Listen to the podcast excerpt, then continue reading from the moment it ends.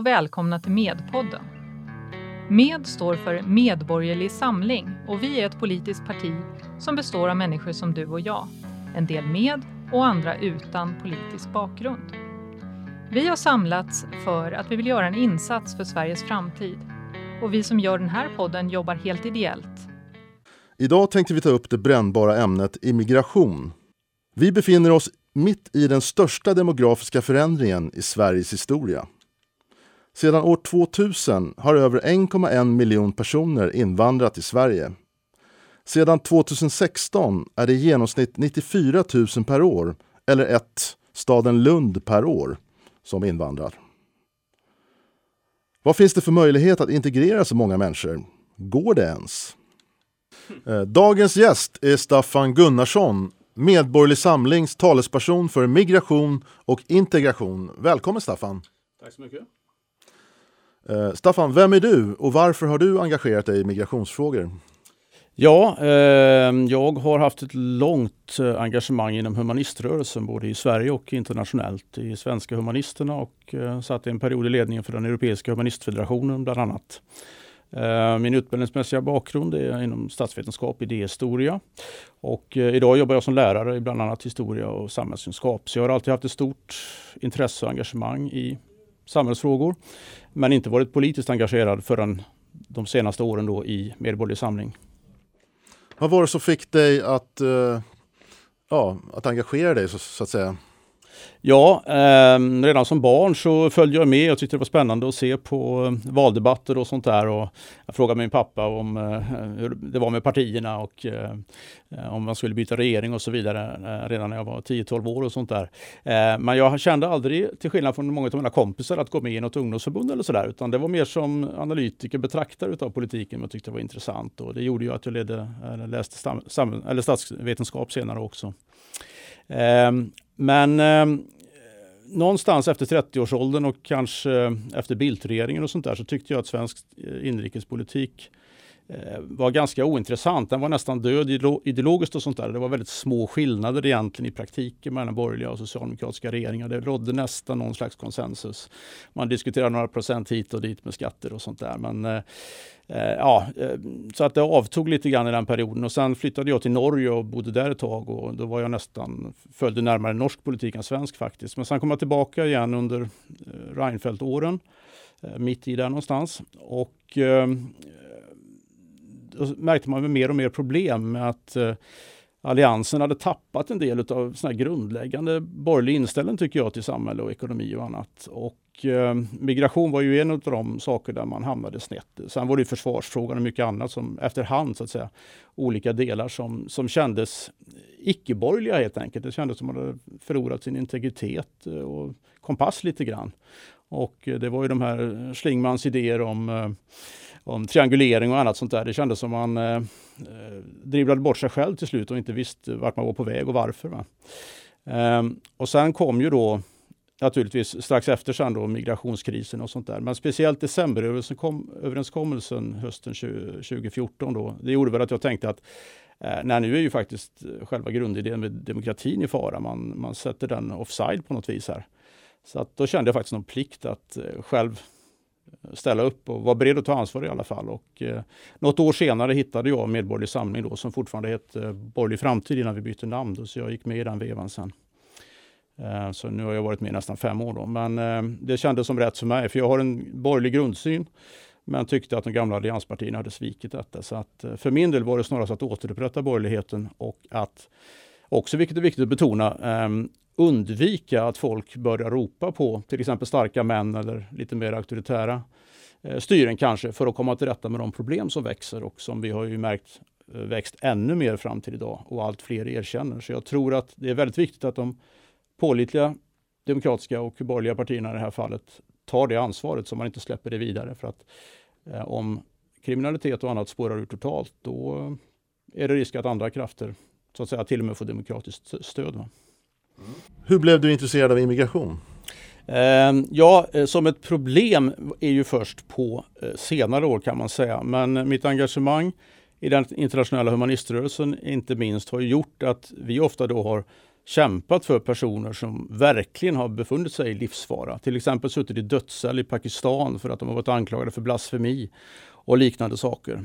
Um, och det har gjort att jag har haft en, ja, på ett självklart sätt velat försvara eh, mänskliga rättigheter och eh, i det här fallet eh, rätten till en fristad för människor som likt sånt som Amnesty alltid har kämpat för, att den som är politisk fånge ska ha en möjlighet att Eh, att slippa sådana straff eh, där man är anklagad bara för att egentligen ha haft yttrat sin åsikt så att säga, i, i diktaturer.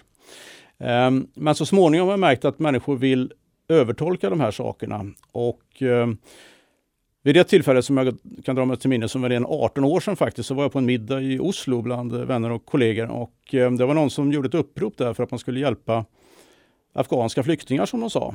Men det visade sig att eh, det här var faktiskt personer som hade fått avslag på sina ansökningar då om uppehållstillstånd i laga ordning. Och eh, de borde ju då återvända istället. Eh, så jag började fundera lite grann på vad är, vad är det här egentligen? Eh, om man försvarar rättsstaten och demokratiskt stiftade lagar och internationella konventioner, då kan man inte plötsligt gå emot när man fattar beslut i enlighet med de här. För då bryter man ju både mot rättsstaten och demokratin egentligen. Eh, så jag förstod inte riktigt varför här, utan det är alltså personer då som kallar sig humanister eller liberala och så vidare, men som egentligen inte accepterar demokratiska och rättsliga beslut. Och då slår man ju på något vis eh, undan benen för sig själv.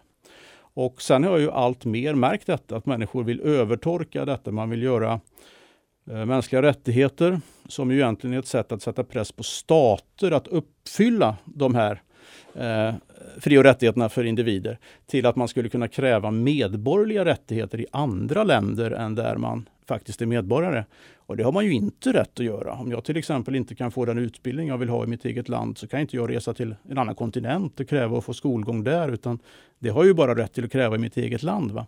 Bara för att ta ett exempel. Men många verkar ha Ja, det har gått någon slags inflation i de här rättigheterna och de blir gränslösa. Men det eh, är ju en självklarhet att Sverige till exempel med 10 miljoner invånare kan inte erbjuda Eh, en miljard människor i Kina till exempel att få sina mänskliga rättigheter tillgodosedda här. Det går liksom inte. Man måste göra andra prioriteringar och vissa begränsningar för att man överhuvudtaget ska kanske rädda de som verkligen är hotade till livet. Eh, där får man nog sätta gränsen faktiskt. De här ekonomiska, sociala och andra rättigheterna kan inte andra eh, länder uppfylla om de inte får dem tillgodosedda i sitt eget land, utan då måste man ju snarare kämpa för dem i sitt eget land. Vem ska annars göra det så att säga? Och vad var det som fick dig att trilla över kanten så att säga? Att känna att jag måste engagera mig i det här liksom? Ja, det var ju lite olika steg på vägen. Jag, vid ett tillfälle för, för snart tio år sedan så var jag med och engagerade mig för en kille från Pakistan som eh, sökte uppehållstillstånd i Sverige, men han hade fått avslag tre gånger tror jag och gått under jorden sen. Och vi, vi eh, kände väl att han kanske var hotad i Pakistan på grund av att han var ateist då. Men det var en del konstigheter runt det här fallet om hur han hade börjat engagera sig och om han verkligen var hotad. Och han påstod att han hade blivit eh, jagad och misshandlad tror jag i Pakistan också. Men fick aldrig några riktiga klara bevis där. Och vid något tillfälle så verkade det som hans egen bror tvivlade på om det var sant eller inte. Och då kände jag att nej, nu börjar jag nästan kämpa för fel, fel ändamål här. Va? Eh, är en person verkligen eh, hotad till livet som andra personer vi hade varit med och engagerat oss för tidigare då, som verkligen satt i dödsceller eh, till exempel. Då, eh, så var det ändå en väldig skillnad på någon som bara påstod detta och, och eh, inte var lika illa ute. Man måste på något vis begränsa sig till de fall som, som är de riktigt allvarliga här. Så att jag kände några gånger på vägen här att um, det är det här missbrukas för andra ändamål helt, helt enkelt än de här direkt livräddade, som ju asylinstrumentet är till för. Eh, men sen när vi kom fram till, låt säga 2013 och sånt där, då när Tobias Billström tog upp det här med volymerna och eh, blev anklagad både för, för sin egen statsminister Reinfeldt då, och från oppositionen i det fallet Löfven, han var ju inte statsminister då. Eh, och det här som brukar kallas för brunsmetning och sånt där, att man ifrågasätter eh, Eh, bevekelsegrunderna för att ta upp sådana här problem. Eh, då börjar man förstå att det är något grundläggande irrationellt bakom hela de här tankegångarna. Va? Eh, det är en självklarhet att ett land måste på något vis göra prioriteringar och kunna ta ansvar för de människor som kommer till Sverige. Och det är en enorm skillnad på om man tar emot 10 000 eller 100 000 eller 200 000 som kommer. Någonstans går ju gränserna för hur överhuvudtaget sjukvård och bostäder och sånt ska fungera. Och pratar man om att ta emot eh, människor i akut nöd, vilket ju en sån situation kan ju uppstå. Det skulle kunna ske någonting i Östersjöområdet till exempel.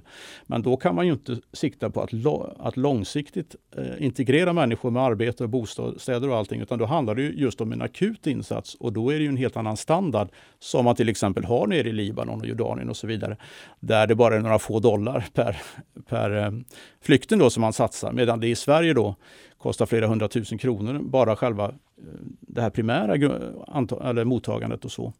Så att eh, det verkar som man inte tänkt igenom konsekvenserna här ekonomiskt, socialt, kulturellt och på andra sätt. Och framförallt eh, är det ju en mycket större utmaning då, eh, to say the least, att ta emot människor som kanske har helt andra normer och värderingar och sedvänjor och sociala strukturer än vad man har i Sverige och som kanske inte riktigt förstår hur Sverige fungerar.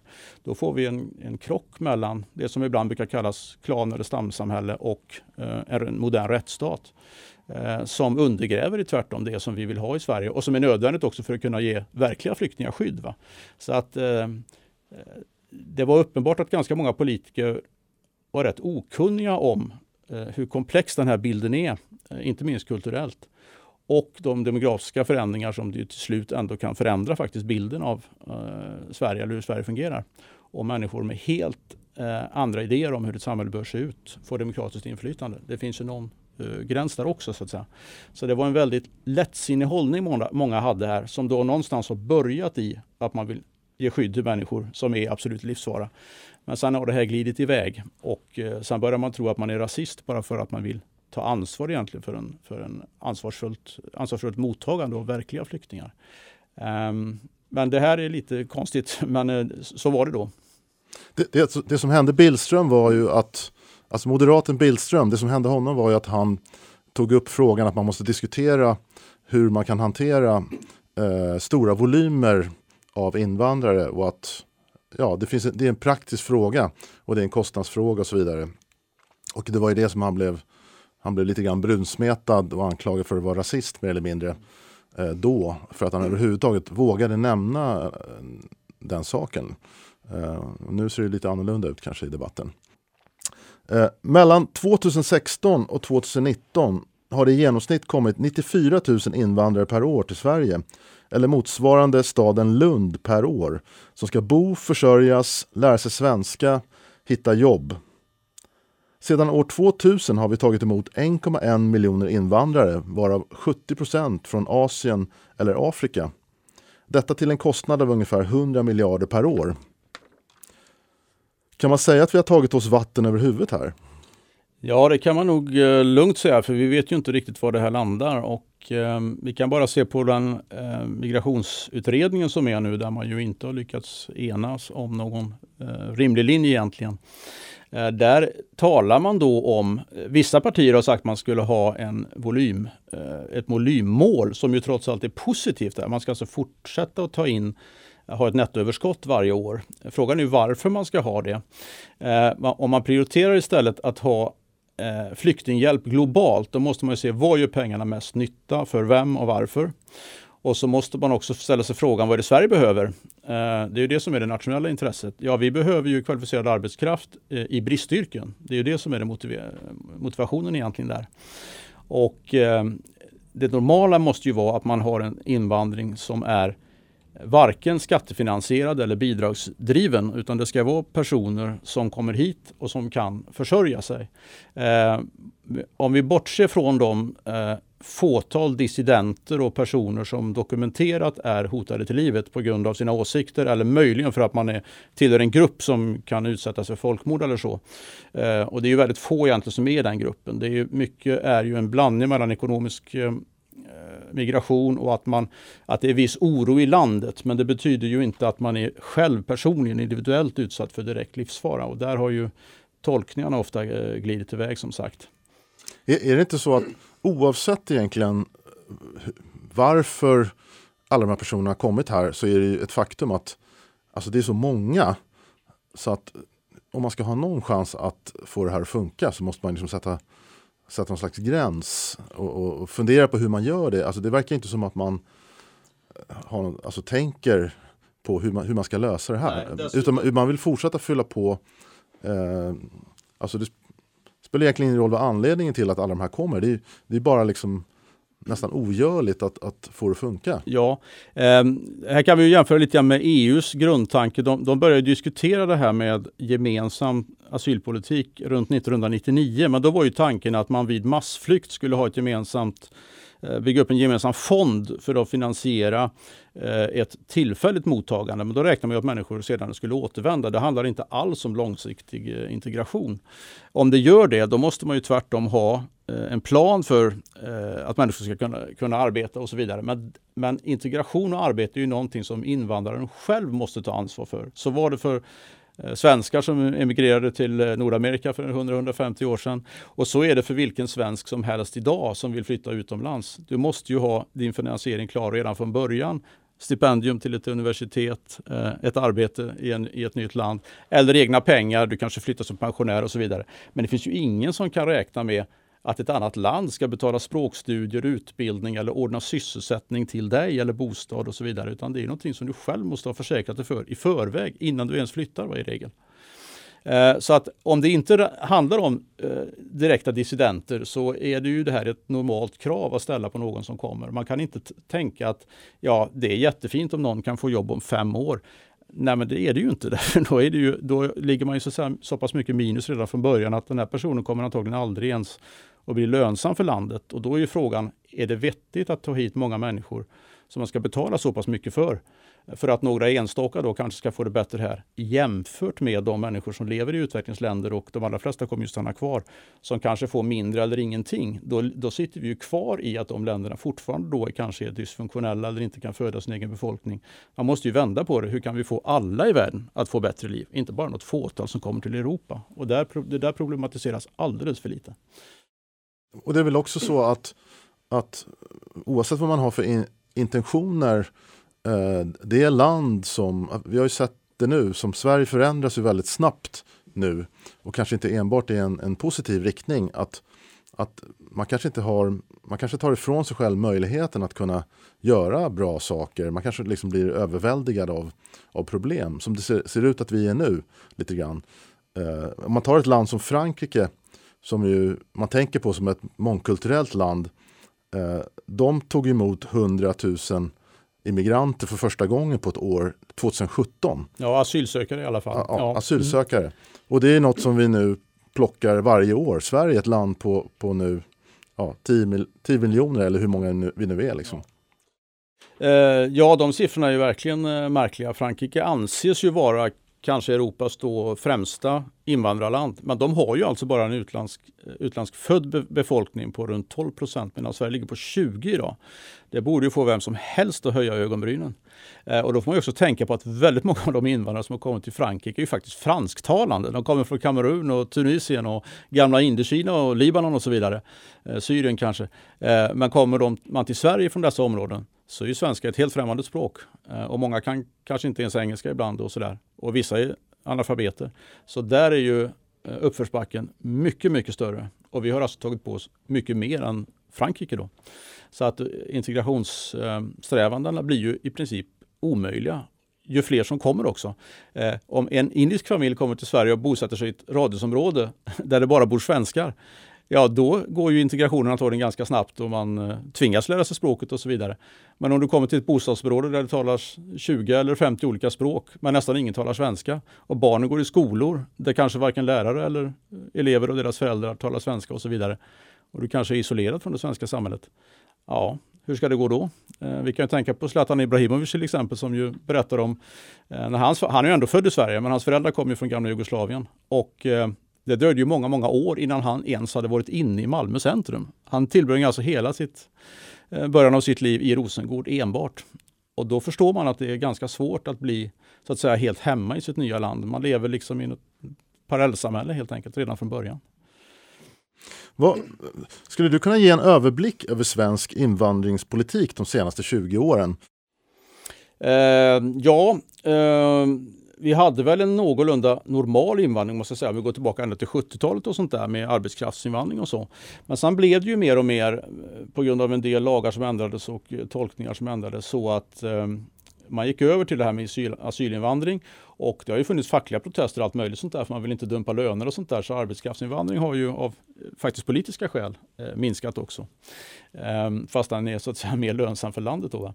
Ehm, men eh, efter 90-talet och Balkankrigen där då det kom eh, ganska många människor och som eh, man tyckte då kanske var över vår integrationskapacitet redan då, men som ändå gick någorlunda bra. Då får vi tänka på att det var europeiska invandrare och oavsett om de var kristna eller muslimer eller om de var ateister som naturligtvis många också var i gamla Jugoslavien så var man ju helt, på ett helt annat sätt integrerad i europeisk kultur och man har en ja, man har en samförståelse på ett annat sätt, gemensamma referenser och sånt där som man inte har med om man kommer långt utifrån Europa och kanske inte känner till Europa så väl. Och det gäller ju då både sedvänjor och kanske samhällsmoral och kynne i olika länder och så vidare. Det blir ju, det blir ju ett större avstånd, en större krock eh, för människor som kommer och då tar det ju längre tid också naturligtvis.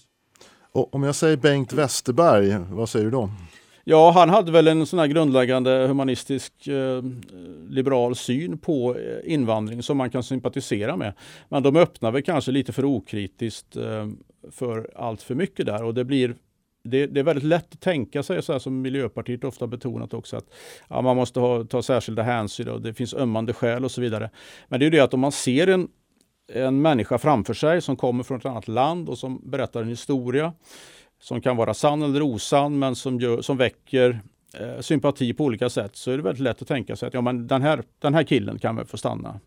Eh, och det tar ju nästan aldrig slut då. Va? För att om man, om, man, om man låter alla de här skälen som ju kan vara ömmande så att säga eh, leda till att man får stanna och att Sverige drar på sig det ansvaret och den kostnaden och så vidare. Då blir det ju till slut för mycket.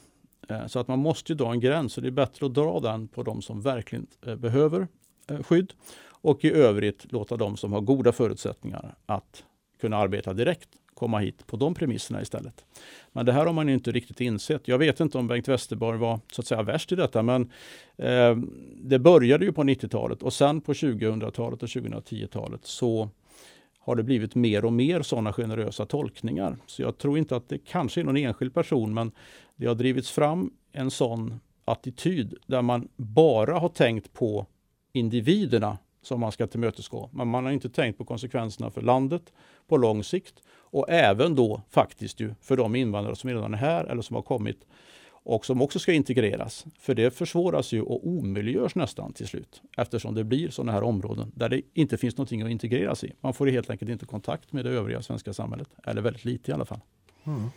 Så, så, så, folkpartisten Bengt Westerberg i den borgerliga regeringen i början på 90-talet eh, och, och Bosnienkrisen, det, det, var liksom ett steg i invandringshistorien kan man säga där, där, där det kom mer. Och sen så har vi ju Cecilia Malmström som har varit EU-kommissionär. Vad, vad har, ja, hon, vad hon haft för inverkan? Mm, hon var ju tidigare ansvarig, eh, sedan sysslade hon med handelsfrågor och sånt där, men eh, i första vändan där Eh, fram till runt 2013 så höll hon ju på med migrationspolitik också och i den där vändan så hände ju bland annat det olyckliga för Sveriges del att man dels eh, jag tror det var på hennes initiativ i alla fall, så införde man ju eh, en ordning där Dublinkonventionen inte skulle gälla för minderåriga.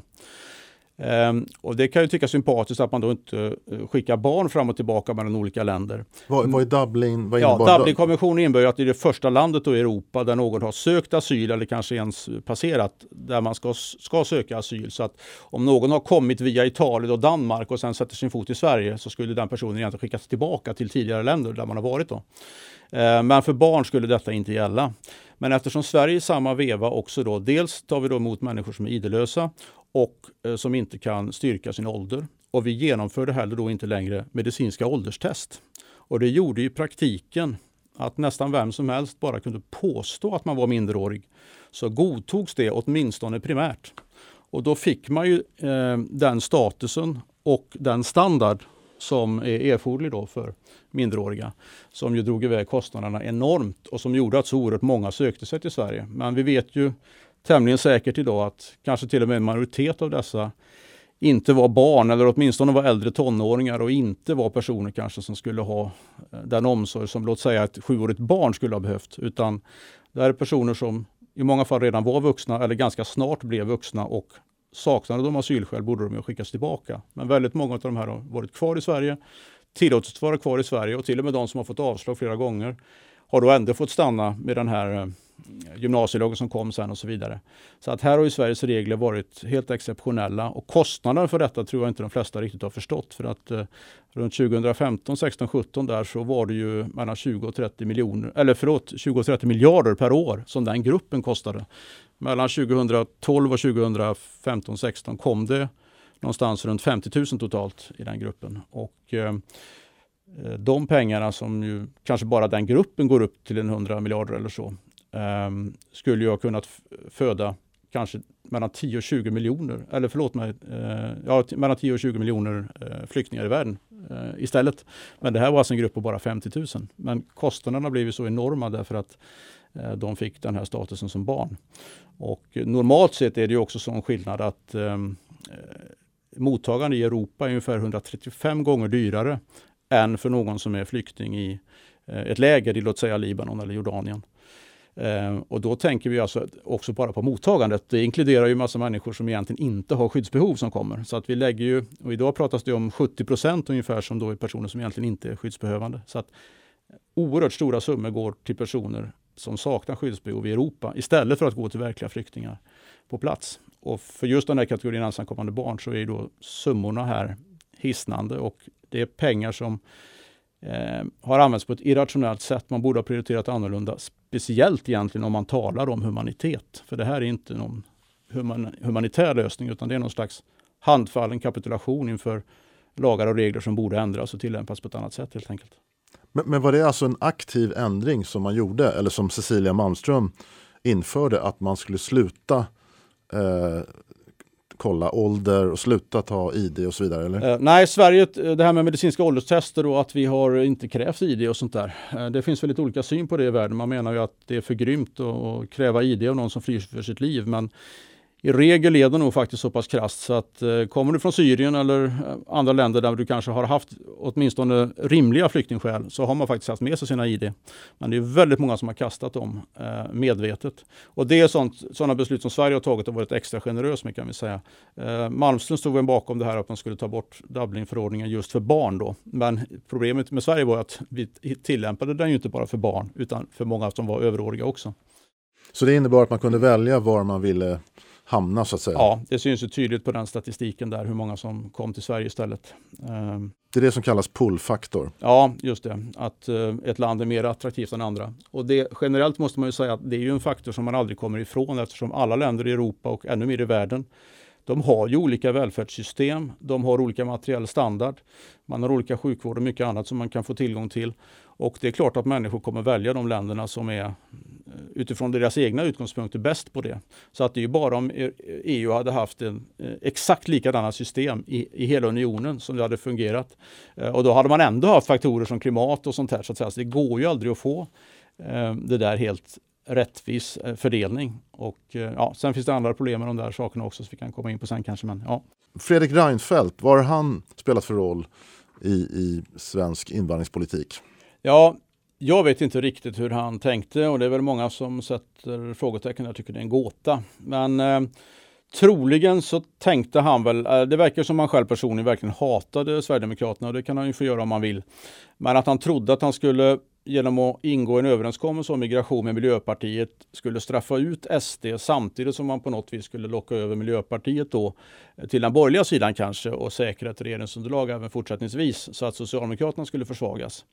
Eh, men det här eh, slog väl knut på sig själv redan då och sen SD växte mer och mer och Socialdemokraterna kom ändå tillbaka 2014 så att även den strategin var väldigt märklig. Eh, sen är det möjligt att han har en eh, syn om eh, en gränslös global värld på något sätt. Eh, som han tror på och att det var eh, syftet egentligen. Och en del har ju spekulerat i att han till och med ville eh, knäcka välfärdsstaten på det här sättet. Men jag vet inte om det är så. Men det skulle ju vara en möjlig förklaring. Ehm, eller också är det så att, och han har inte gett några intervjuer efter detta överhuvudtaget som handlar om migrationen eller egentligen varför han avgick och sånt där. Mer än när han bara så att säga gick rätt, rätt ut där bakom gardinerna. Eh, så att det kommer kanske någon gång men tydligen ger han ju inga svar på det här i sina memoarer och sånt där heller utan eh, det är lite av en gåta. Men han spelade ju en stor roll i detta i och med att han drev på det. Och med det här talet, eh, öppna era hjärtan, så satte han ju tonen som sen Löfven fortsatte ytterligare något år framåt innan han då tvingades att svänga och även Miljöpartiet även om de tog avstånd från sin egen politik. Då. Så det som hände var att Fredrik Reinfeldt, eh, det var väl andra mandatperioden eh, eh, för Alliansen då, ja. eh, gjorde en överenskommelse med Miljöpartiet om immigrationspolitiken. Ja, bland annat. Och, och, och, och där så liksom accelererade hela den här grejen. Vad var det som hände?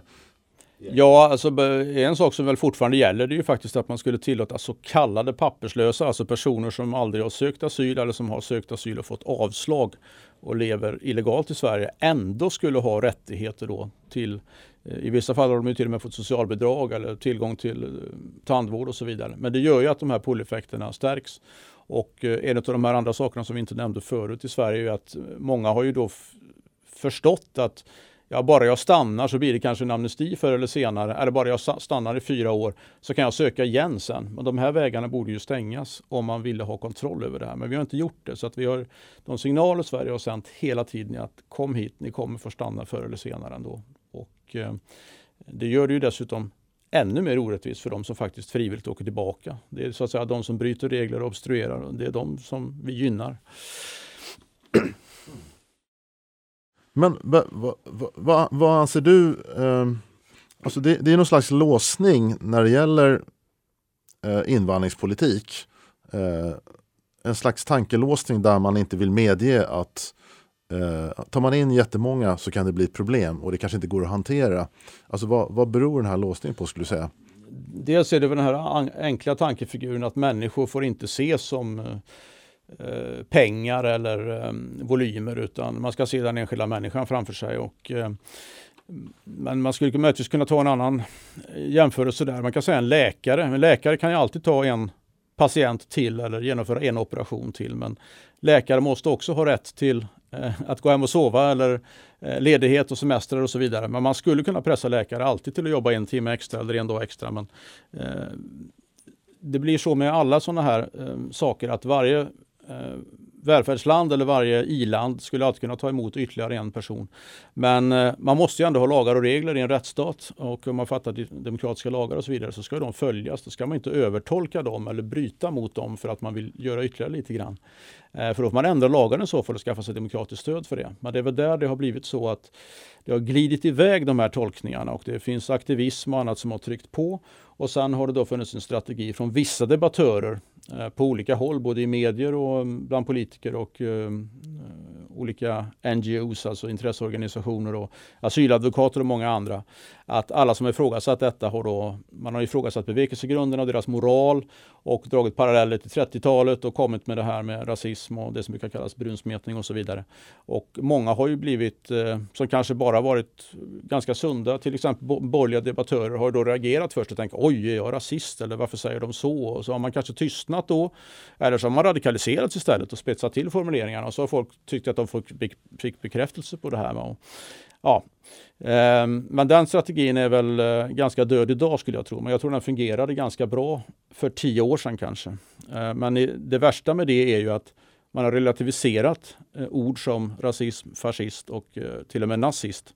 Och det gör ju det att man relativiserar nazismens brott också. Så man gör ju sig själv en otjänst. Är man antifascist så borde man inte kalla någonting annat än det som är verklig fascist, fascism för fascism. Eh, för annars blir, blir det allt och inget så att säga. Så att det, är en, eh, det är en väldigt farlig strategi faktiskt. Ja, det har väl aldrig funnits så mycket nazister i Sverige som det gör nu, det verkar som. Nej, med tanke på att... Vi var var och varannan. Ja, vi är ju sannolikt eh, det minst rasistiska folket i världen kanske med tanke på att så många vill söka sig hit dessutom. Och, eh, det är ju för att man eh, övertolkar och eh, vidgar de här definitionerna så man kan se det på det sättet. Eh, så det är väldigt märkligt. Om man tar det i rent ekonomiska termer så finns det ju antagligen inget land i världshistorien som har satsat så oerhört stora summor i pengar de senaste 40 åren på utlänningar som har kommit till ens land och som man inte ens har krävt av att de ska arbeta. Många har naturligtvis arbetat, men det är ganska stora grupper som i stort sett har levt på bidrag i, i långa tider. Och eh, med tanke på den generositeten så är det ju ja, både oförskämt och orimligt att kalla Sverige ett främlingsfientligt land. Vi är ju raka motsatsen. Som Lars Åberg brukar säga att Sverige lider inte av strukturell diskriminering utan vi lider av strukturell välvilja. Och det ligger nog närmare sanningen faktiskt. Jag menar, vad, vad är det som hindrar egentligen att man kan försöka ha en slags rationell syn på... Det, det finns ett globalt problem med ett antal tiotals miljoner människor som behöver hjälp på något sätt. Eh, och det finns väl ett sätt att lösa de problemen. Eh, och det bästa sättet att lösa det problemet är kanske inte att en liten, liten del av de här kommer till ett litet land och destabiliserar det landet. Eh. Nej, nå någonstans går ju gränsen där och eh, eh, idag är det uppe i 80 miljoner som man räknar som att de har flyktingstatus. Men det är ju 50 miljoner av dem ungefär som faktiskt är internflyktingar. De befinner sig alltså i sitt eget land. Men inte desto mindre behöver de ju ofta stöd för den regimen är ju kanske då pressad eller svag eller till och med obefintlig ibland som det har varit i Somalia och andra länder. Eh, och då måste ju den hjälpen internationellt, det internationella samfundet, FN och så vidare måste ju hjälpa till där. Eh, men de behöver ju de här resurserna minst lika mycket som de som då eventuellt kommer till Europa, varav ju många faktiskt inte är skyddsbehövande utan kanske är ekonomiska flyktingar. Så att de då kostar hundratals gånger mer med mottagande här jämfört med de som är på plats där. Det är en oerhört skev fördelning om man vill åstadkomma rättvisa och humanitet i världen. Um, och um, en annan sån sak som jag reflekterade mycket över en gång där i, i den här värsta krisen som var 2015-16 där. Um, det var när jag tog del av rapport från FN om att eh, runt 6 miljoner flyktingar från Afghanistan har återvänt genom UNHCRs försorg de senaste åren. Eh, efter då att eh, den här krisen med talibanerna och det var i början av 2000-talet. Men så pass många har återvänt och kunnat återvända. Och det är också FNs mål att man ska kunna återvända. Men samtidigt har vi då fått ja, eh, runt 30 000 så kallade då ensamkommande från Afghanistan i den här perioden. Då undrar man ju även ställa moraliska frågor här. Eh, är det rimligt att en ung generation män lämnar sitt land samtidigt som kvinnor och barn återvänder? Eh, ja, det är kanske rimligt om det här vore en grupp som verkligen vore dödshotade, men det är de ju i regel inte. Det finns ju inte någon som vi har sänt tillbaka till Afghanistan som vi har fått reda på skulle ha avrättats av regimen eller någonting sånt där. Att det sen inte kanske är lätt i Afghanistan, det förstår nog de flesta, men det betyder ju inte att man ska eh, fly bort till ett annat land och eh, ifrån sitt eget folk eller sin egen familj och så vidare, utan det är väl bättre att man stannar kvar och försöker göra det bästa för att bygga upp sitt land. För att det ska kunna bli bättre i framtiden för alla. Eh, så att där är också prioriteringarna jättekonstiga. Det bor ju över 30 miljoner människor i Afghanistan. Men vi prioriterar att lägga enorma resurser på ett fåtal trots allt som kommer hit. Om det sen är 30 eller 50 eller 100 000. Men det hjälper ju inte framtiden där. Och, och åstadkommer vi inte förbättringar på plats i länder i Afrika eller vad det nu är, så kommer de här kriserna att fortsätta. Och nu kommer dessutom nya diskussioner som Miljöpartiet har nämnt återigen senaste veckan. Man förväntar sig en enorm klimatmigration. Då, va? Att det ska bli obeboeligt i olika delar av världen. Men även där är det ju så att eh, Europa är förhållandevis litet och eh, alla människor från utvecklingsländer kan inte komma till Europa utan grundhållningen måste ju ändå vara att afrikanska och andra länder importerar de erfarenheter, principer, värderingar, samhällssystem som finns i väst om man vill bygga egna funktionella länder. Rättsstat, bekämpa korruption, korruption och så vidare. Och inte exportera sin befolkning. Va? Sen behöver vi ju alltid i världen ha en rörlighet för människor att kunna arbeta, studera på andra håll och så vidare. Kulturellt utbyte, idrottsligt utbyte och så vidare. Men det är en helt annan sak. Men här är det en sån total obalans mellan olika länder och att det skapar kanske till och med fler problem än det löser den här om du får eh, segregation som, det finns ju de som varnar för att blir problemet tillräckligt stora så kan det ju leda till inbördeskrig och sånt där till och med. Eh, det tror inte jag på kort sikt, men det är klart att blir det väldigt svåra etniska, religiösa konflikter så vet vi ju aldrig var det här kan sluta. Jag menar, många av de här personerna, de ger sig iväg från sina hemländer i hopp om att de ska ha ett bättre liv. Eh, men det, det finns ju någon slags risk som jag uppfattar att att man skapar egentligen mer olycka om du, om du kommer till ett land där du inte har några chanser att lyckas eh, Eh, för att du har inte någon utbildning eller, eller, du kan inte integreras så kommer du ju vara där, du kommer bli försörjd och eh, alltså då, mottagarlandet kommer tycka att du eh, är liksom en parasit samtidigt som du själv är missnöjd för att du kommer ingen vart. Alltså, det, är inte säkert att det är någon lösning ens eh, att, att ha personer som inte kan ta skapa sig ett liv leder ju till olycka någonstans. Ja, eh, jag skulle tro faktiskt att ganska många av de som är äkta flyktingar eh, låt säga ehm, dissidenter från Iran som kanske varit ateister och eh, kommit till väst och studerat här och många har till och med varit akademiker och sånt där. De är nog väldigt tacksamma för att de har fått komma till Europa och eh, lyckas också etablera sig ganska väl och sådär. Kanske inte alla men ganska många. Men om människor kommer till väst eh, utan relevant utbildning och i vissa fall kanske till och med analfabeter, det är klart att då är ju den resan otroligt lång och svår. Och, eh, de flesta förstår att om en 38-årig sexbarnsmor från Somalia och som själv är analfabet kommer hit så är ju utsikterna väldigt dåliga eftersom vi heller inte har den här typen av enkla jobb så att säga erbjuda. Man kan inte ta anställning i något rikt hem eller sånt där som man kunde på 1800-talet eller liknande. Så det är så otroligt många saker som fanns förr i Sverige och som finns i andra delar av världen som inte finns som arbeten. Och då kan hon ju råka ut för den tragiken att hennes tonårspojkar då kanske är ute i eh, området där, där de bor och hon vet inte vad de har för sig och de kanske börjar med småbrott eller handlar med narkotika och så vidare. Eh, och tappar greppet om detta. Och eh, flickorna håller man inne för de vågar man inte låta gå ut av både hedersskäl och annat. Och de blir ännu mer isolerade och eh, den här segregationen och de här problemen bara växer. Och det är väldigt svårt för ett land som Sverige att kunna ta hand om och integrera så många människor. Då. Det, är där, det är där problemet ligger. Va? En enskild individ kan man hjälpa men om hela områden och stadsdelar har de här problemen och där då kanske till och med klaner styr och du får den här tystnadskulturen och eh, kriminella skyddar varandra och eh, eh, hotar andra så att de inte ska kunna ange. Ja, vad gör man då? Eh, och där har vi nästa steg som är ännu värre, att det våldskapital och de hot som hederskultur sätter, gängkriminalitet sätter och klaner sätter på människor, där då till och med dödsstraff är på skalan. Ja, varför slår då det svenska systemet? Det hjälper ju liksom inte att säga att ja, du måste vittna. Ja, men om jag vittnar får jag ju skallen eh, bortskjuten. Liksom. Ja, då vittnar man kanske inte och det förstår man ju. Så det är svårt faktiskt för ett demokratiskt humanitärt rättssamhälle att möta den typen av eh, rättssystem.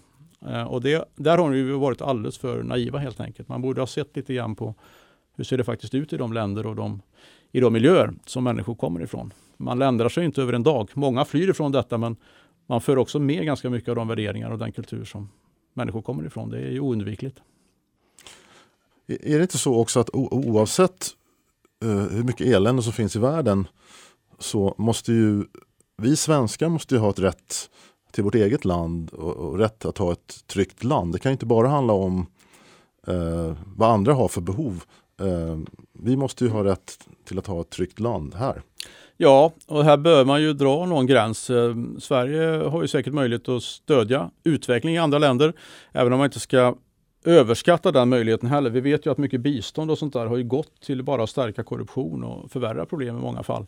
Eh, Tanzania och Palestina kanske och Vietnam har varit skandaler i och så vidare. Så det är också problematiskt. Men om man har verkligen ömsesidiga bilaterala projekt så kan man ju hjälpa till med sånt som är vettigt. Mediciner eller kanske stärka utbildningsinsatser eller eh, kanske överhuvudtaget eh, så att säga, hjälpa till att implementera låt säga en, en, administration eller en rättsstatliga principer och sånt där om man har möjlighet till det.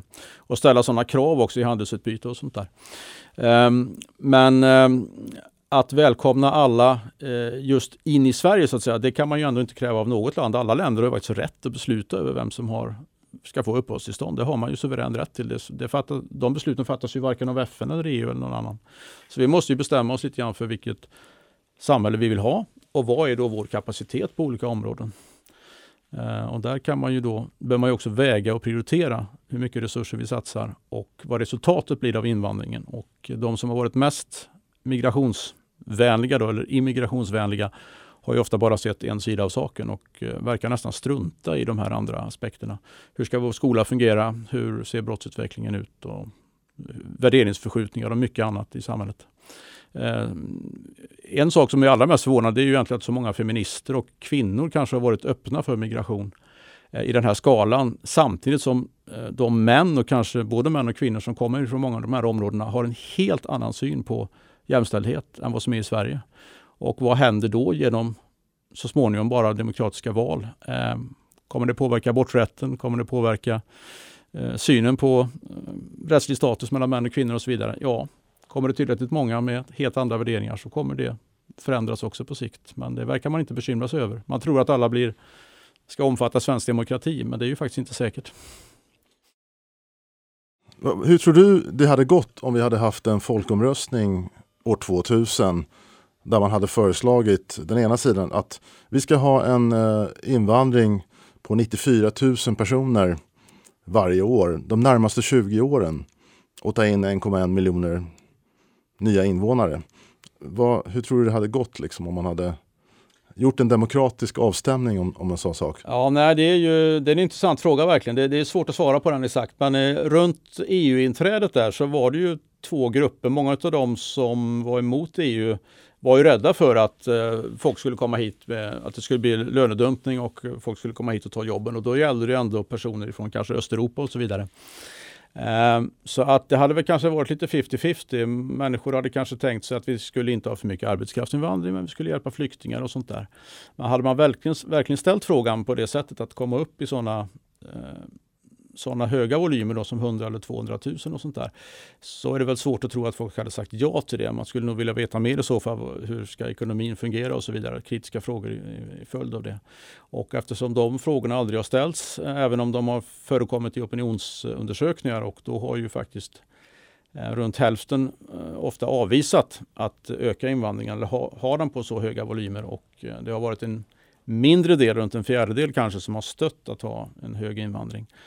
Men eh, frågan är egentligen vilka premisser man har haft då. Om det är kortsiktigt eh, hjälpa flyktingar så att säga ett enskilt år eller att det ska ligga på den här nivån hela tiden om det då inte är arbetsrelaterat utan just eh, skattefinansierat och bidragsdrivet eh, som det i praktiken har varit.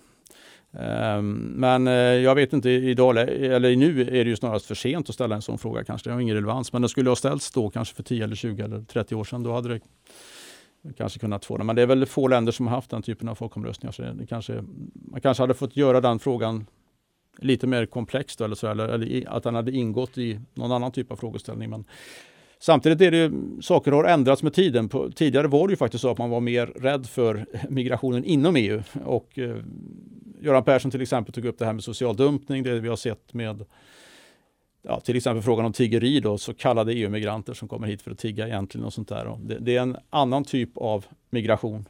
Men eh, de här riktigt stora problemen med den nuvarande migrationen har väl fått det här generella erkännandet först på senare år. Så det är ju kanske mindre än tio år som de flesta har insett eh, vart det barkar. Så det hade kanske folk inte gjort för 20 år sedan. Jag vet faktiskt inte. Men, men man kan väl lugnt säga att man inte har tagit hänsyn till eh, Eh, opinionen i en fråga som förändrar karaktären på hela landet. Eh, när, man, alltså när man kommer överens med Miljöpartiet, de har väl 4% eller 6-7% Och även idag så, så är det de som bestämmer vad vi ska ha för invandringspolitik. 4-5% ska bestämma över vad Sverige ska vara för land. Det, det känns ju som att det, här har vi ett demokratiskt underskott ja, det som heter duga. En slags utpressning kan man säga, men de andra partierna får ta sitt ansvar. Det är ju moderater och socialdemokrater som har velat säkra sig makten eh, genom att ge ifrån sig detta kan man säga, fast de kanske själv inte drev på det från början. Även om då Reinfeldts roll kan eh, problematiseras eh, lite mer. Um, men vad ska vi säga? Det är det är demokratiskt problematiskt, men det är också för att hela mediediskussionen har ju ofta varit väldigt skev här och det har ju skett en manipulation med begrepp här. Väldigt många människor har kallats flyktingar fast de inte är det. Personer som är före detta asylsökare med avslag har fortfarande kallats flyktingar och att de egentligen borde gömmas och skyddas och få stanna och så vidare. Och eh, det är faktiskt det är så illa så att det är väldigt få reportage och nyhetsartiklar om migrationen, även i public service och så vidare, som, som är helt korrekta. Man använder ofta ordet flykting fel eller tveksamt och man redogör inte riktigt för hela problematiken. Man tar upp en enskild person kanske och undrar varför den här personen inte har fått stanna. Men så är det flera frågor som så att säga, saknas i den här analysen och det gör att väldigt många som har tagit del av det här nyhetsflödet inte riktigt har fått hela bilden. Det är de som har tagit reda på mer själva som har kunnat skaffa sig lite mer inblick i det. Men många som har köpt de här reportagen får ju ofta intrycket att bara att ja, det här är en person det är synd om och han eller hon eller den här familjen kan väl få stanna. Men man har inte tänkt längre.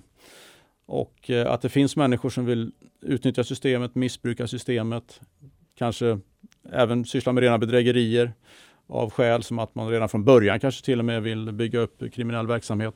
Eller bara att man felaktigt utger sig för att vara utsatt för förföljelse och annat fast man inte är det. Det är så många saker i det här som där Sverige har varit som det numera brukar heta naiva. Men det är ju ingen ursäkt. Ledande politiker och myndighetspersoner och så vidare kan ju inte vara naiva. De ska ju följa lagar och ta ansvar för landet. Va? Så att, eh, det, det, har, så att säga, det har inte varit några checks and balances i det här.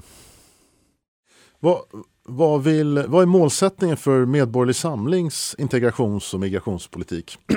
Ja, vi vill ju eh, naturligtvis strama upp integrationspolitiken, bland annat genom det här jag nämnde att det måste ju vara individens ansvar att integreras och att skaffa sig utbildning och arbete som är relevant. Egentligen innan man kommer till ett annat land och även om man är här. Så att det här talet om att Sverige eh, ska göra saker för att integrera människor, det är nog egentligen felaktigt och det är där problemet har varit från början. Det som brukar kallas omvänd rasism eller de låga förväntningarna på personer. Eh, och där kan man ta ett tydligt exempel på, jag vet en kvinna som var med i ett reportage för några år sedan då, som berättade om att hon tyckte det var orättvist att de som hade kommit till Sverige utav syrierna hade fått så mycket hjälp och stora summor som de hade kostat.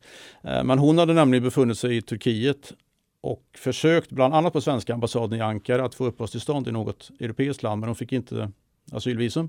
Däremot erbjöd vi samma tid Brasilien, alla syrier att få uppehållstillstånd i Brasilien. Men det var bara några tusen som, eh, som godtog det där eller tog den chansen. Men hon gjorde det för hon vågade inte, eh, även om hon hade råd då tydligen, hon var ganska välbeställd eh, visade sig. Eh, men hon vågade inte ge sig ut på de här skrangliga båtarna på Medelhavet så hon tog ett flyg till eh, Brasilien istället. Men där fick hon ju ingenting. Hon fick skydd men boende, arbete, Eh, Eh, språkinlärning och så vidare fick hon stå för själv.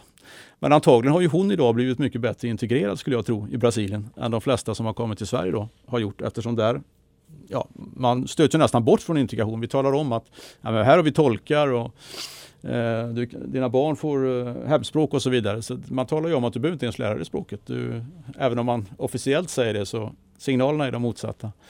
Och bidrag i evighet så att säga då, så man, man i praktiken så är det väldigt låga krav åtminstone för att eh, integreras väl. Så, ja. Vad du säger är egentligen att vi motverkar möjligheten till integration egentligen med den politik. Ja, det kan man säga. Mm, ungefär som om eh, alltså, svenska migranter som kom till USA eller den här kvinnan till Brasilien. De visste ju redan från dag ett att nu gäller det att fixa ett arbete, nu måste jag ordna saker själv och så vidare. Då tar man initiativ och man tar ansvar. Om du själv inte tar ansvar för ditt eget liv, vem ska göra det då? Sen kan ju alltid myndigheter och Sverige som mottagarland göra vissa saker för att underlätta. Men man kan inte ha det här eh, all inclusive som Lars Åberg kallar det i sina böcker. Att man tar hand om folk helt och hållet och så att säga tar bort egentligen kravbilden. Sen är det säkert många som upplever att de har svårt ändå och det är ju omvittnat och antagligen sant att många av de här så kallade ensamkommande mår väldigt dåligt. Men det har ju säkert flera skäl och det beror ju inte på att Sverige kanske har gjort för lite utan det kanske gör att vi har lovat, eller de har, de har getts en falsk bild av hur, vilket paradis det här skulle vara och de har press hemifrån och så vidare. Och Sverige har eh, ja, curlat människor kan vi säga. Det låter kanske lite grymt, en del reagerar kanske för det men det blir det i praktiken. Jag tror människor som ska klara sig i ett nytt land långsiktigt kan inte ha det här stödet i många år framåt för det tar ju bort incitamenten egentligen och där har ju Miljöpartiet och många andra helt fel. Amnesty och alla som pratar om att eh, permanenta uppehållstillstånd är garantin för att integreras väl. Det är ju tvärtom. Det är bara, alltså man kan formulera det väldigt enkelt. Om man ger permanent uppehållstillstånd och medborgarskap enbart till människor som är välintegrerade, kan språket och försörjer sig själva, då kommer 100% av de som får det att vara integrerade. Om du däremot säger att du får permanent uppehållstillstånd först, och får behålla bidrag även om du inte lärt sig språket och så vidare, ja men då finns det ingen garanti för att en enda är integrerad. Men det här verkar man inte inse. Och ser vi nu i Sverige med försörjningsgraden, hur låg den är i vissa eh, kategorier och hur dåligt integrationen har fungerat för ganska stora grupper, så förstår man ju att det hjälper ju inte ens att dela ut medborgarskap till människor. Man blir ju inte integrerad för det. Utan man måste ha både piska och morot kanske för att uppnå det. Vad, vad, ska man göra då enligt Medborgerlig Samling i det här läget nu? Om Medborgerlig Samling fick, fick bestämma, liksom, vad ska göras? Ja, för det första anser vi att det eh, går absolut på rent moralisk grund att säga att i den mån man talar om ansvar då i fördelning inom Europa och sånt där så har vi redan gått över vår kapacitet. Integrationen har inte fungerat. Vi kan ju visa på det som poliser och andra eh, pekar på att vi har eh, eh till och med samhällshotande kanske eh, hot då i, eh, i vissa av de här så kallade utanförskapsområdena som ju har växt till 188 är det väl idag efter att ha varit några få för en 20-30 år sedan. Eh, det kan man inte tillåta växa i evighet utan man måste sätta stopp för det någon gång. Och Det betyder ju att för att klara de integrationsutmaningarna så måste ju eh, man begränsa migrationen. Man kan naturligtvis ta, ta emot viss arbetskraftsinvandring. Man kan ta emot enstaka dissidenter. Men i övrigt bör Sverige inte vara de som står först i kön och kanske inte alls då att ta emot några vanliga asylansökningar alls. Och de bör kanske läggas utanför EU helt och hållet så att man eh, helt eh, och hållet då reformerar asylrätten till att handla om första säkra land på egen kontinent men att man kan ha vidarebosättning vid behov eh, där man då ställer upp vissa kriterier. Att människor ska ha varit eh, i läger till exempel en lång period och inte kan återvända. Eller att man uppfyller Eh, villkor och annat för att kunna flytta till andra länder så att man inte får en ny underklass som i princip inte kan integreras och inte kommer att kunna finna jobb i Europa. Så att vi eh, siktar emot att man under kommande år, kanske en tioårsperiod eller så, faktiskt har en, ett volymmål som är negativt. Eh, I kombination då de saker jag sa här med att man har frivilliga återvändarbidrag Förutom att man också sänder tillbaka alla som naturligtvis inte har uppehållstillstånd i Sverige. Så att de som är så kallade papperslösa måste ju identifieras och faktiskt förmås att återvända eller utvisas då rent eh, praktiskt fysiskt. Återvandringsbidrag, innebär det att man betalar personer för att lämna landet? Eh, ja, eh, vi har tänkt oss att eh, man under en kortare period, och det får inte återkomma igen sen för då blir det ju en ny pull-effekt och att människor söker sig hit för att få pengar för att återvända igen. Så ska det inte vara, utan det är människor som fram till ett visst datum, låt säga 2015 eller 2019 eller någonting sånt där, har fått eh, uppehållstillstånd i Sverige, men som inte har lyckats integrera sig här väl, som inte kan försörja sig och som har möjlighet att återvända. De ska inte ha några då eh, skyddsskäl längre som är enligt flyktingkonventionen. Uh, inte de här ömmande och andra skälen utan de här verkliga skyddsbehoven. Människor som inte har det och som inte är integrerade i Sverige ska kunna återvända eh, frivilligt med ett bidrag och det ska då ganska väl tilltaget så att det ska verkligen löna sig. Eh, danskarna har ju till exempel försökt det här, men haft ganska låga belopp, jag tror det rör sig om 40 000 och sånt där. Och jag, jag tittade på Migrationsverkets eh, eh, rapport från i fjol tror jag det var. Det var otroligt lite som hade betalats ut i, i eh, återvändarbidrag. Om jag såg rätt så var det faktiskt bara 100 000 eller någonting sånt där. Så det är bara någon enstaka person som har utnyttjat detta. Men vi vill ha ett högre belopp ehm, och pengarna är ju ofta oerhört mycket mer värda i ett land där du återvänder kanske 10-20 gånger mer eller sådär. Och det betyder ju att en summa på en halv miljon och sånt där räcker kanske resten av livet. Och, ehm, så att det ska vara eh, ett rejält belopp som man får för en enskild person eller för en hel familj då att återvända så att man kan få en nystart i hemlandet. Då bör det kunna bli en win-win situation för bägge parter här. Man kan återvända och få ett nytt bättre liv när det har lugnat sig i hemlandet eh, som man kanske en gång flydde ifrån. Om man nu inte har funnit sin plats i Sverige på ett bra sätt. Och det är säkert bra för både en själv och ens barn kanske. Och att man kan lämna de här områdena i Sverige som då kanske inte alltid är så muntra att bo i trots allt.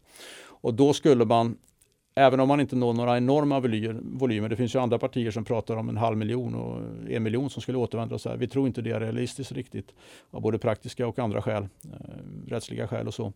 Eh, men låt säga att 100 eller 200 000 människor skulle acceptera detta. Då skulle vi ändå lätta situationen i många av de här så kallade utsatta områdena.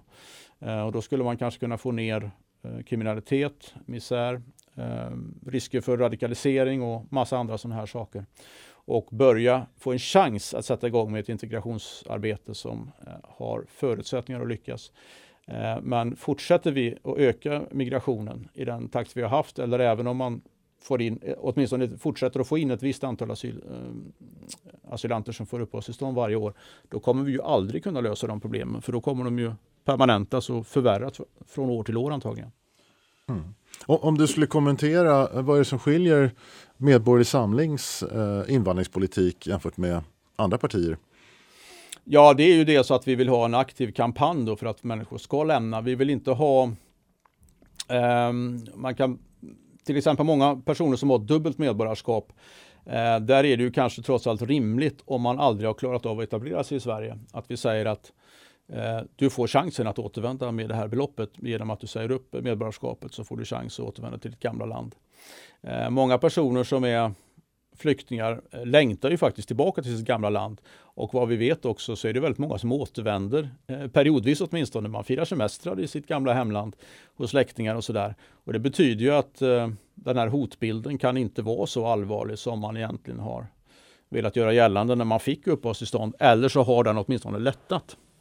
Och då bör detta vara ett rimligt eh, alternativ. Sen är det många som eh, värnar om barnen och sånt där. Va? Men det är, det är ju inte någonting konstigt för barn att följa med till sina föräldrar, till sitt, eller far och morföräldrar till sitt gamla hemland, utan eh, det är ganska naturligt. Så att jag tror inte man ska överdriva det heller. Och det finns ju även svenskar och många personer som, lever i, som inte lever i flyktingförhållanden, men som flyttar runt både inom landet och i världen. Och det är inte något konstigt, men det kan alltid vara svårt för barn att lämna kompisar och en gammal skola och sådär. Men det tillhör livet det också. Och förutsatt att man inte skickas direkt i fängelse eller till eh, eh, skickas i döden så är ju eh, det inte orimligt att ha en sån ordning. Eh, och många länder skulle ju kunna tjäna på detta till och med då att man eh, får en grupp personer som återvänder och en del länder eh, försöker ju aktivt faktiskt få folk att återvända. Eh, till exempel i Syrien, även om den regimen då eh, kan misstänkas för att ha inte alltid ärliga avsikter så eh, är det ju många länder, Somalia, Afghanistan och så vidare som säkert vill ha tillbaka. Speciellt folk som kanske har skaffat sig en bättre utbildning då i Europa och som kan använda den på plats där. Då skulle vi faktiskt mycket, mycket mer göra en humanitär insats än att människor kanske går arbetslösa eller lever i utanförskap i Sverige. Men om man tittar på Centern, eh, eh Liberalerna, eh, Socialdemokraterna, Miljöpartiet, Vänstern. De vill i princip köra på med 100 000 om året och mata på. Det, det, det, är väl deras politik? Ja, de har ju lite olika mm, volymer där så att säga, men det blir ju ofta effekten. Ehm, de här mm, antalen vi pratar om nu, det är ju ofta inkluderat då eh, andra typer av uppehållstillstånd också, men det är väl kanske hälften som är relaterade till asyl åtminstone. Dels de som får eh, enskilda individer som får asyl, men sen också då anhöriga och de här andra skälen som ibland anser. Och anhöriginvandring är väl det som kommer fortsätta Eh, och spilla över eh, åtskilliga år framåt trots allt. Och speciellt om EUs nya deal skulle gå igenom, då kommer ju de länder som har personer med anknytning eh, att få ta emot fler. Och det är klart att Sverige då som har tagit proportionellt emot betydligt mer än många andra, de kommer att ha så mycket större risk att folk vill söka sig till Sverige av det skälet också. Då skulle vi ju vara bundna av det i så fall om vi, om vi har sådana avtal. Så att, eh, det är inte så lyckat heller. Så att vi måste nog nästan ehm, eh, stoppa de sakerna också för överkomlig tid. Och det är inget hinder för människor att återsamlas med sina familjer men då får man göra det någon annanstans helt enkelt. Och eh, speciellt då människor som inte eh, har den här statusen att de är verkliga konventionsflyktingar och eh, riskerar sitt liv genom att återvända. Då får man faktiskt prioritera lite grann om den enskilda personen som anser sig så hotad att man inte kan återvända stannar i Sverige eller att man återförs eh, med sin familj någon annanstans. För då är ju inte de skälen lika eh, tunga längre. Vad saknas eh, i, i Moderaternas och KDs politik? Är, är det att de inte har någon trovärdighet eftersom det var Moderaterna bland annat var med att sätta igång den här eh, karusellen så att säga? Eller vad? Ja, Moderaterna, jag försökte lyssna på deras migrationspolitiska talesperson och andra genom de sista åren här och eh, de är ju, dels har de ett trovärdighetsproblem naturligtvis eftersom de inte har riktigt visat det här i praktiken ännu och man vet inte vad de skulle göra i en ny regeringskonstellation. Då kanske de börjar kompromissa bort de här sakerna igen. Um, men de är inte riktigt tydliga och ibland pratar de om, även på EU-nivå, om att man skulle fördela alla migranter i EU och sådär. Men då blandar man ihop alla möjliga kategorier. Det är ju just asylsökande och flyktingar som är det intressanta där. Människor som söker arbeten och kommer Eh, de kommer ju därför att de har ett avtal med ett företag eller någonting annat. Eh, och det är ju inte människor man kan fördela så att säga. Har någon fått anställning i Göteborg så är det ju inte någon kan, vi kan säga att nu har vi nått vår kapacitet. Den här personen får jobba i Belgien istället för där finns ju kanske inget jobb för den personen. Och tvärtom. Så det, eh, de är väldigt otydliga här. Det har blivit en, en, en enda röra därför att så fort man pratar om migration så tänker folk bara på flyktingar och asylsökande. Men migration är ju betydligt mer än så. Ehm, men om du jämför med Moderaterna och KD, KD har ju varit mycket mer soft med eh, eh, de här så kallade ensamkommande och eh, ömmande skäl och annat sånt där som de har velat lägga till. Så de står väl någonstans emellan Moderaterna och Miljöpartiet, Centern kanske, vad jag förstår. Och det finns nog ett tryck internt i det partiet också att gå i det som kallas humanitär riktning men som Eh, ofta tyvärr inte alltid är det i, i konsekvenserna eh, enligt vårt sätt att se på det. Så att Moderaterna ligger väl kanske ganska nära men de har ett trovärdighetsproblem och ehm, de pratar ju fortfarande om volymmål som är positivt så att säga, medan vi då pratar om ett nettominus faktiskt. Så att eh, i praktiken kommer det vara väldigt stor skillnad under en kommande två, treårsperiod eh, efter att vi eventuellt har fått eh, riksdagsmandat och kunnat påverka den politiken så kommer det ju säkert slå på 100-200 000 eller någonting sånt där om vår politik skulle gå igenom. Eh, färre personer helt enkelt. Så att eh, där är det en väldig skillnad i, i slutresultatet.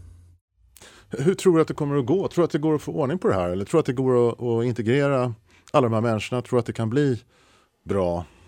Finns, finns det hopp? Ja, um, optimism är väl en plikt som filosofen Karl Popper brukade säga. Så att jag tror inte man kan ha en sån här förtvivlad syn så att säga när man går in i det utan man måste försöka göra det bästa i varje enskild situation oavsett hur det går egentligen. Eh, men det finns ju stora risker. Va? Jag tror inte man ska vara alarmist att man tror att eh, västerlandet till exempel eh, inför sharia-lagar och sånt där även om eh, Eh, det kan bli så att man påverkas av det eh, i viss del. En del har ju gjort det kanske på till exempel familjepolitik och sånt där. Jag var på väg i Norge när jag bodde där och man har gjort några liknande grejer i England och sånt vidare. Men att de nationella lagarna skulle påverkas av det på kort sikt inom hundra år eller sånt där ehm, det har jag lite svårt att tro egentligen för att eh, yttrandefriheten och demokratiska traditionen och sekularismen i Europa och sånt där är trots allt ganska stark så att det är svårt att påverka det Eh, i helhet. Men det kommer nagga en del saker i kanten. Det kommer bli mer intressen som trycker på. Det kan vara vissa undantag. Och, eh, det finns ju eh, saker som påverkar naturligtvis. Eh, slöjbeklädda kvinnor och slöjor i skolan. Eh, minaretupprop och andra sådana saker som man kan få se som inte är så lyckat heller. Va? Eh, allt fler kvinnor som eh, är drabbade av kvinnlig omskärelse och mycket annat sånt där kommer ju säkert öka i Europa Medan invandring invandringen eller att man inte eh, lyckas få integrationen att fungera i praktiken. Uh, men um, man måste vara optimist, ja, det, men alltså, det är ditt svar. Ja, men ut, utmaningen i Sverige är ju just det att um, om vi inte stoppar um, antalet som kommer till Sverige, då kommer ju de här utanförskapsområdena få ännu mer problem. Och det märkliga är ju att just de som pratar om att socioekonomiska faktorer, som man kallar det, eh, genererar kriminaliteten. Men ändå vill man då alltså öka de här faktorerna ytterligare. Och då kan man ju inte lösa problemen. Så att det, det är en gåta hur man tänker sig det. Man tror att det på något vis ska lösas upp i samhället. Va? Du ska bussa elever och du ska eh, tvinga folk kanske att flytta till andra områden och annat sånt där. Men eh, du riskerar ju bara att dra ner, dra ner allt fler delar av samhället med detta därför att du löser inte det på det ytliga sättet. Va? Det måste ju gå på djupet. Tack för att du ville komma Staffan. Ja, tack så mycket. Dagens värd var Mikael Boman. Du som har lyssnat på den här podden, återkoppla gärna till oss genom att skriva kommentarer i kommentarsfälten. Du har nu lyssnat på Medpodden, en podcast från Medborgerlig Samling. Vi som gör den här podden jobbar ideellt och om du vill stödja Medpodden får du gärna göra det via swishnummer 123 094 0197. 123 094 0197. Pengarna går till produktionskostnader för den här podden och andra mediaproduktioner som vi gör.